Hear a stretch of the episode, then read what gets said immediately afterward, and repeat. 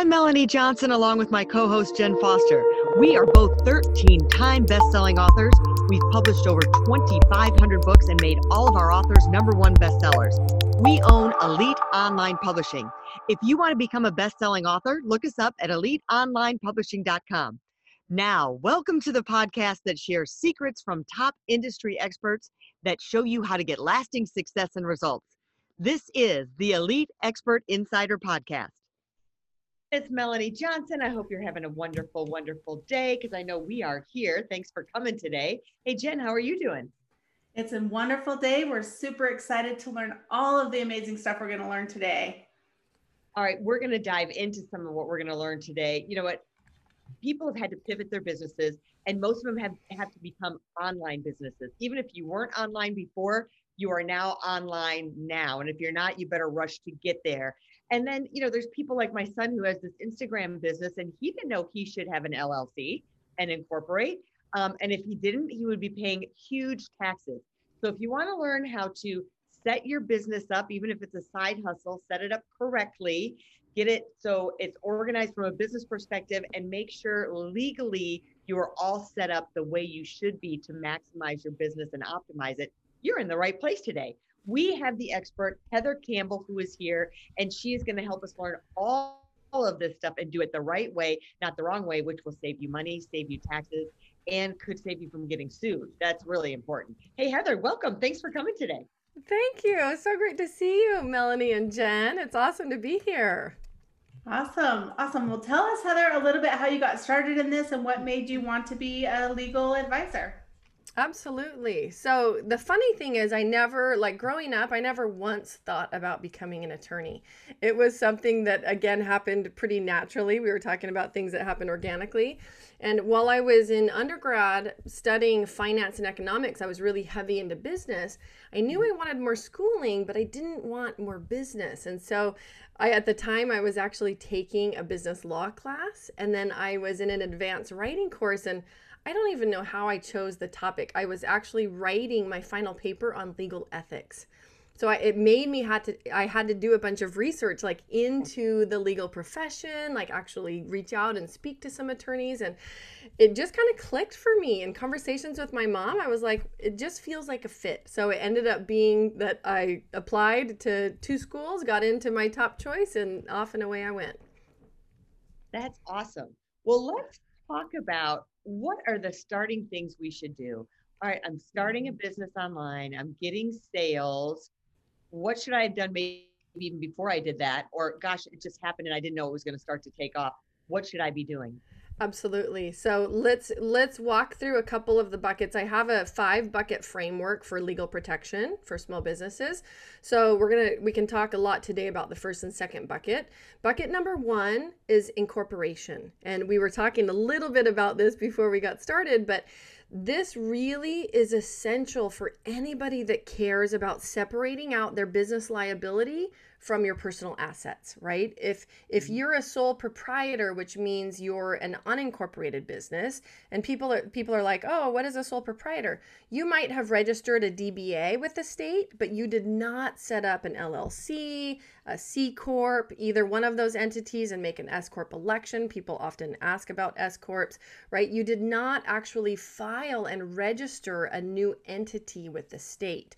So that's step number one. And just like you said with your son, there's some big advantages to having an incorporated business. Mm-hmm. One is tax advantages, right? You immediately get to write off some things in regards to your business that you don't get to do as a sole proprietor. It widens it widens the um, the advantages in the tax bracket that are available to you. And second, and people often don't think about this, there is a huge mindset shift that happens when people make the choice to incorporate and really treat their business like a business. They show up differently, they treat their business differently, they start putting other supports in place for their business that they otherwise usually wouldn't have done if they remained a sole proprietor. So it's huge. That's really the first thing that people should be thinking about. I really love that you talked about the mind part of it because a lot of times people are just like, get the LLC, you'll get the tax benefits, that's the LLC. But there is a whole nother part to it because you do know, you know, your friend on the street who has a, a company on the side where they sell something and they're sole proprietor and they do treat it like on the side because they are uh, because they don't even think of it as a business. Oh, that's not I just I just, you know, sell a few things but if they really did incorporate, they could sell lots more things because they will treat it like a business. I love how you said that. Well, thank you. And it, it really is true. It's the difference for anybody that's taken on clients, and especially at the start of anybody's career, where some people are like willing to do work for free. But the difference between paying for something. So if you have a client that pays well for something, they're going to show up as differently than a client who is getting a free service or doing something for free. And it's the same in your business. When you take the step to pay a filing fee, to register your business, to hire an accountant to help you take care of that incorporated entity, you show up differently. You your and then your clients show up differently. So it is it's like this circle. It's a win-win. You really it changes the way you relate to your business. All right well let's get to those other four buckets that you were talking about. Yes. Bucket number two is business contracts. And this is a big bucket. Like if in my visual presentation people often see this bucket because it's larger than the rest. But this is where if you think of your uh, bucket number one, your incorporated business as the foundation. Like literally imagine a foundation, like a big wooden slab or concrete slab or something. And then bucket number two, business contracts, protects the machinery of your business. So I really think about people's businesses like a machine. They've got lots of moving parts, they're delivering services, maybe they're working with vendors or independent contractors or employees. You have all these ways that you are exchanging value in your business. And this includes being online, even having a website up that where people can consume free information. That's an exchange of value. And so your business contracts, really think of that as like a layer of protection around that machine around that piece of equipment. And um, there's a lot of things to think about when it comes to business contracts but if you just remember the the phrase that i use exchange of value. Anytime there's an exchange of value in your business you need to be asking yourself what contract do i need to cover this exchange? Right? And what does that mean? So an exchange of value is publishing a free article or tips or a blog on your website. People show up and they consume that, right? And that's value. Maybe you are um, hiring your first independent contractor. That's an exchange of value. You're going to be exposing proprietary information, assets inside your business to that person, and they're going to be doing work for you in exchange for pay. You need a contract in place for that. Uh, maybe you're you know you've got your standard client services or you're doing group work. All of those things are ways that we exchange value in business and you need a contract in place for each of those scenarios. Affiliates joint ventures right? The list goes on and on. But the business contracts bucket's a big one. And in regards to any of the buckets because the other thing i have to remind people at the outset just like other things, just like marketing, right? You were talking about the amazing marketing plans you put in place for your clients. Those evolve over time, right? It's not like a set it and forget it. And as your business evolves, the same is true with your legal needs. It's not a set it and forget it. So, as your business grows and as you have new areas in your business develop, you have to ask yourself is there a new need here? Do I need to reevaluate this bucket?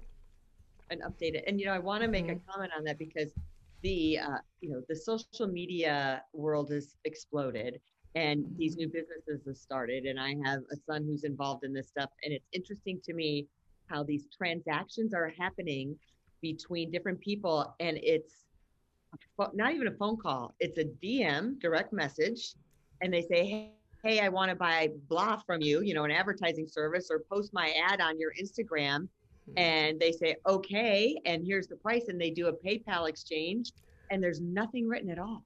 Nothing. And i'm like oh my gosh you guys are like you're none of you are incorporated. You're exchanging money back and forth.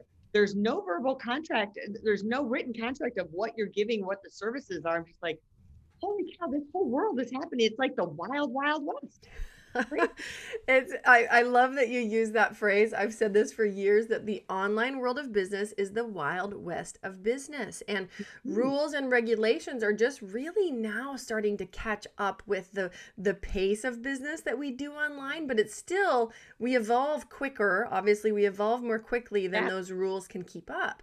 Mm-hmm. But this is the thing that is so exciting about being online is the opportunity is massive like somebody can literally be in business overnight. Throw up a website, start a channel, do something, make an offer, right? And they may have no idea what they're doing from a legal perspective. And so the analogy I like to use is just like you're driving down the freeway at 75 miles an hour or whatever, you're presumed to know the speed limit. Same is true in business. And just because the online, you know, World Wide Web is available to you doesn't mean that you should be there doing all the things unless you know the rules because you are presumed to know the laws that apply to your particular business. So it is interesting. I, I like, I mean, it's fun to hear about the stories and I like to go like, whoa, whoa, whoa. Depending on the amount of money changing hands, depending on exactly what's going on, there are some real risks that you have to think about. And, um, you know, just pausing long enough to insert a few steps in between the engagement and the payment would really help you in the long run. Yeah. Well, and you hear like horror stories of people that say, oh, like they did a chargeback on the PayPal and I've already given them the service. And then and then you're like, oh, well, that now they just got for free because PayPal gave them their money back and just took it out of your bank account. And you're just like, wait, what? Uh, and because there was nothing in place and and you didn't have anything set up the right way. So this is such a good example. What you just mentioned, Jen, has happened. First of all, the upticks in chargebacks, first of all, during COVID huge. People are desperate for money, people are feeling the pinch, and so they're not always making the best, most ethical choices, right? But the number of times I've been contacted during COVID because of people saying, like out of the blue, out of nowhere, this client just did a chargeback and they didn't even talk to me about it. Like we didn't even have a chance to to try to, you know, negotiate or settle it and you know, I had a, a friend who contacted me, $20,000 engagement, right? And nothing in place to cover that. And money just got handed back. Another guy recently, just two weeks ago, a, a colleague of a friend of mine also reached out, same thing $6,000 marketing service that he had done for an online company just got handed back and he'd already delivered the service. It's brutal. And all you need between point A and point B is some funnel, some process where they have to make a stop to your online legal terms and conditions, your terms of purchase, specifically for anything that you're selling. Make sure that you've got those properly drafted, you have them in place, and they're acknowledged, whether it's a signed contract or whether it's, you know, everybody has seen the check the box style like iTunes, you know, I have read and agreed to the terms of purchase you have to track that acknowledgement so that in the instance of a chargeback, you could show your process, show that somebody literally cannot buy the service without acknowledging those terms. And then, oh, by the way, here's the, the full copy of the terms. And you just have all your ducks in a row. You're way more likely to win that process than if you are just flying by the seat of your pants. Absolutely. We, that happened to us and we had all the processes in and American Express said, you're right. Here's your money back. You, you delivered the service he signed the contract. Everything is right there. That's and then I'm right. just going to jump back. A partner of my son, they went into business, and before that, he was selling some kind of phone cases, and he made like two hundred thousand dollars, and it was didn't have an LLC. And then he got this tax thing, and he was like, "Oh my gosh, I owe like fifty thousand dollars in taxes," and he had no idea that was coming. So you know, it mm. makes just a huge difference. All right, on to bucket number three. Bucket number three is business insurance, right? I'm not an insurance salesman, but a lot I get a lot of questions about insurance. And in the US, there are something like 13 different business insurance policies available for small businesses. And it largely depends on what you're doing in your business, right? If you are an online entrepreneur and you offer live events, you need a very different kind of insurance than somebody who is strictly working behind telephones and, you know, through the internet. Um, if you have employees, that puts you in a different bucket, right? If you if you provide an in-person service to your clients, that you probably you need a different kind of insurance than if you don't have any face-to-face interaction. So um, in, insurance is really about getting a product tailored to your specific needs, just like homeowners insurance. Most people that will hear this presentation have homeowners or rental insurance in place, and you get asked questions like, do you own a dangerous dog? Do you have a swimming pool? Do you have a trampoline? You know, what is your home like? What activities are you doing in your home?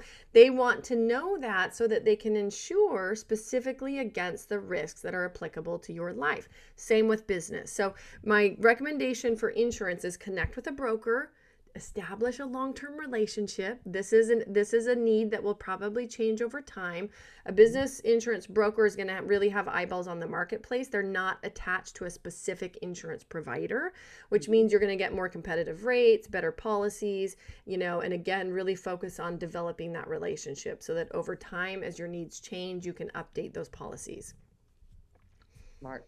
Yeah And number four, what's number Bucket four? number four is an intellectual property protection plan, right? So small businesses drastically undervalue their IP. When I speak live and I ask like an audience the question like, what percentage of your business valuation do you think comes from your IP? I don't know. What's your guess? Oh, like ours or a Mhm. general business? Um, intellectual I would say like 25%, maybe. that's often like get the range that I get from people. Most of my clients, the value of their business that comes from their IP is closer to 80 or 90%. It's the Wow. vast majority. It's their business systems, it's their databases, it's their, you know, all of this proprietary information that Hmm. we build up inside our businesses. And so what happens is people kind of opt themselves out. And when I say people, I see my ideal clients often opt themselves out of thinking that they need to pay attention to some of the big business strategies like trademark registrations or copyright registrations or really taking care of their intellectual property in the way that they should. Licensing agreements, if they're doing things with their IP and allowing other people to use it, or non disclosure agreements. How many people in your circles, I know tons in mine, that get into high end masterminds and joint venture type of groups and are sharing lots of really valuable information that's happening inside their business. And mm-hmm. then people take it. They take that idea, they go do that thing, right? It's and so at every step when you're making disclosures, you have to be thinking about your IP as a monetary asset. Where are you disclosing it? How do you need to protect it? Because just like the other example of like all it takes is one or two stops before you get to the end goal, you can put some protections in place to really take care of your IP in the way that you should. And so trademarks, copyrights, um, you know, and then contracts. And I know we already covered the contract bucket, but contracts are one of the primary ways that we can really care for our intellectual property. That's Awesome. And what's the fifth bucket? Oh, did you have a comment, Melanie? Sorry. No, I just thought that was so eye opening. Yeah. Mm. Yeah, it's, you know, small businesses, and this is partly why I'm so dedicated to the education side of our legal needs in this space, is because small businesses just don't have the same resources available to them that larger businesses do. And so they have to pick and choose sometimes. They have to say, well, we're going to prioritize here versus here. But at least if they have the legal roadmap, they they can they can tell how to generally prioritize their legal needs against each other so that they can at least stair step and take care of those legal needs in an appropriate order. A lot of people are cherry picking. They don't have the map and so they think like, well, my business coach told me this or my friend in business who I admire does this and so I need to go do this and that may not be applicable on their particular map. Um, bucket number 5 is dispute resolution plan. You could also call this communication plan, right? You have to have a communication strategy for your business that decreases client disputes, decreases client confusion, minimizes disputes. And the way that you do this, I mean, you got you guys are brilliant in marketing and so you know the importance of creating consistent messaging from the very early points that somebody gets exposed to somebody's business or work or book or whatever you're working with all the way along to the client enrollment experience, the fulfillment of those services, right? So it's really about looking at your business and asking yourself at every touch point along the way, especially before you enroll a client, are you properly setting client expectations?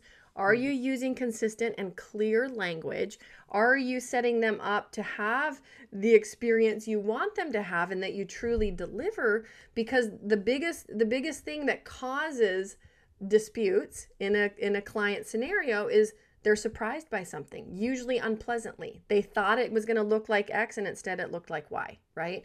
Certainly, and like we're talking about the chargeback scenario, certainly there are other things that can lead to that. Sometimes people just have emergencies in their life and they become a problem client, right? Not because they necessarily wanted to be, but but there are certainly some things that you can do to really minimize the potential for dispute.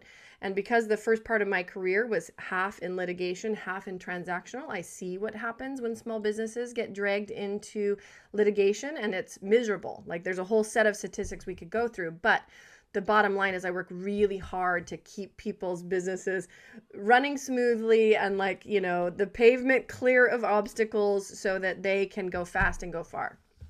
I think this I think this one is like one of the biggest ones because you know having served hundreds and hundreds and hundreds of clients over the last 15 years of me being a business you can just you feel like you have the communication you feel like you have everything in place but there's just certain clients that just want things for free or certain clients that just want to nitpick at everything you did and say you didn't give me what you said you were going to give me because they just want to be that problem client and they want their money back even though you gave them what you said you were going to give them.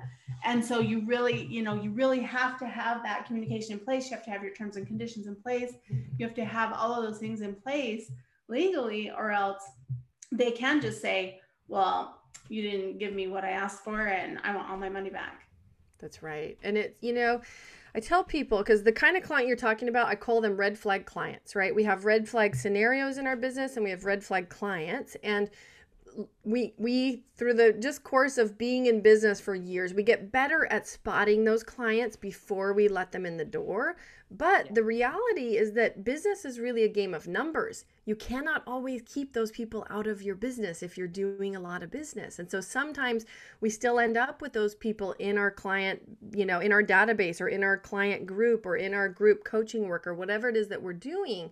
And so you do have to have some stopgap measures in place to protect against that because you're exactly right. You know, there's only so much that your early communication, your business policies, all of that will do at the end of the day, some people are still stinkers.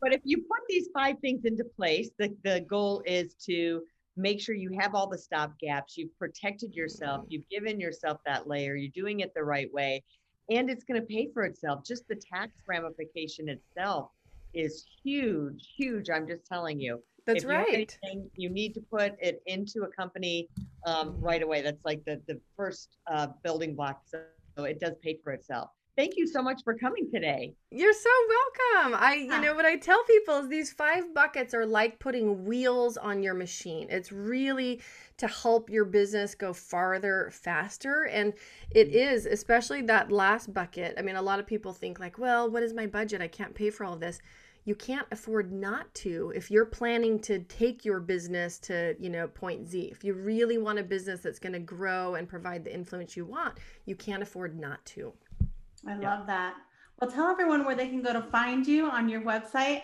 and it looks like you have a podcast too tell us about that yeah, absolutely. Well, I'd love to have you come stop by. Uh, my website is legalwebsitewarrior.com. If you want to go forward slash um, legal basics boot camp, you can get the you can get training like it's just a free video training. It's designed to be like a few minutes over five days. Um, more in detail of what we just covered, right? And then it'll give people access to some additional resources, help them understand like what contracts do I need, etc. So that's a great um, resource for people that want to just go a little bit deeper. And then, yes, I also have a podcast. It's called Guts, Grit, and Great Business. You can find it on Apple iTunes and all all the places. Um, and I that's a place where I really love to have conversations with people who love business. And they range all sorts of topics. It's a lot of mindset, it's a lot of business success strategies, it's a lot of all the typical things you would cover in business marketing, sales, you know, visibility, how to do all the things. And so there are some amazing people on there really sharing some of their best tips and um, and lots of personal insights as well. This whole journey of being an entrepreneur and especially right now during COVID, balancing real life and work. You know, we all face our own challenges. So it's a place that I just love to show up and have conversations that in my mind, my goal is to help people with their endurance, help people with their perseverance so that they get to where they really want to be going. Well, that sounds like great advice. We'll check your podcast out and put it in the notes.